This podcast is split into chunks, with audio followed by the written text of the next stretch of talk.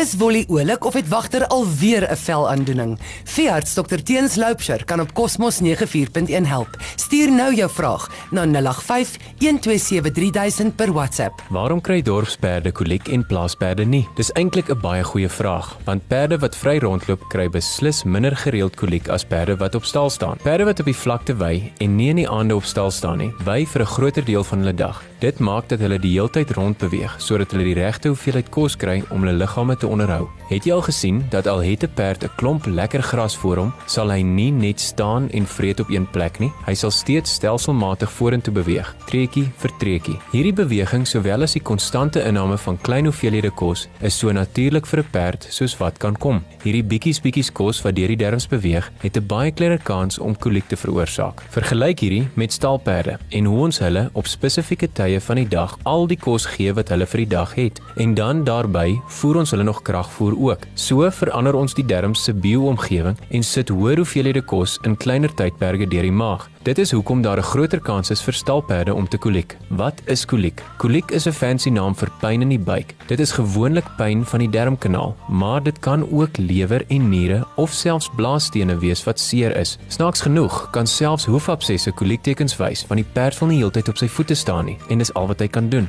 As ons dink aan koliek wat in die darmkanaal oorsprong het, kan hier weer 'n klompie verskillende dinge verkeerd wees. Ons gebruik die woorde gaskoliek, impaksiekoliek en wurgkoliek. Gaskoliek verduidelik homself. Impaksiekoliek beteken iets wat in die darm vassit en dit kom meer gereeld voor in spesifieke dele van die darm. Een van hulle is die draai wat die dikdarm maak by die bekken agter. Ons voel daardie buigplek wanneer ons ons arms agter in die perd indruk. Wurgkoliek beteken dat die darmes gedraai is en of bloed word afgesny as gevolg van iets soos 'n bloedklont. Hierdie tipe gaan gewoonlik gepaard met baie erge pyn en koliektekens. Dan kan sand in die darmes en maagsere ook nog koliektekens wys. Wanneer 'n veearts 'n perd sien, sal hy of sy 'n deeglike kliniese ondersoek doen wat die slijmvliese en die oë en mond insluit, ook temperatuur, polsslag en asemhaling. Dit is deel van die minimum inligting wat ons nodig het om verdere besluite te maak en daardie bietjie inligting kan baie antwoorde gee. Daarna kom daar 'n rektale ondersoek en daarna miskien 'n maagbuis plaas of nie. Die maagbuis kan met of sonder verdowing geplaas word. Met die rektale ondersoek voel ons vir gas in die darmes of impaksie of selfs partykeer vir tekens van wurg van die darm. Maar ons arms is net so lank en die hele darm kan nie deurgevoel word nie. Met die maagbuis kyk ons vir reflux. Dis die Engelse woord maar beteken eintlik net vloeistof wat uitstoot. Dit is vloeistof wat opbou in die maag omdat dit nie kan uitbeweeg agtertoe nie. 'n Perd kan nie opgooi nie. So as die vloeistof nie agtertoe beweeg nie as gevolg van 'n obstruksie en dit kan nie vorentoe nie, kan die perd se maag selfs bars. Dit is deel van die besluitneming of ons die perd op mondelikse of binneaardse vloeistofbehandeling gaan sit. Ons kan ook besluit om 'n naald in te druk deur die vel aan die onderkant van die buik. Die buikmonster wys of daar vloeistof is wat aandam in die buik en watse tipe vloeistof dit is. As die darm gedraai is, sal dit oor 'n paar uur begin sterf en dan kan mens op die buikmonster die dooie selle sien. So besluit ons wat die prognose of plan vorentoe is.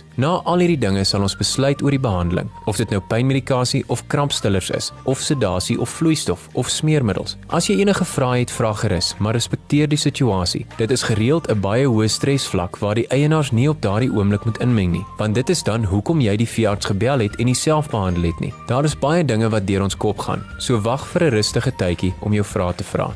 Elke besluit word met 'n rede gemaak. Elke behandeling het 'n klomp redenasie, saggies in ons koppe al agter hom. Maar deel asseblief inligting soos die perd het 'n hartaandoening of is allergies vir sekere medikasies. As jy enige vrae het, kom maak gerus 'n draai by ons by nommer 8 Lassenstraat, oor kan die ombudsman, langs die Amerikaanse ambassade of bel ons by 228 405. Tot volgende week. Hou aan glimlag. Daar sê alles beter. Wolle jag al weer die voels rond en wagter mag weer op die bed slaap. Dankie dokter Teens, wat omgee.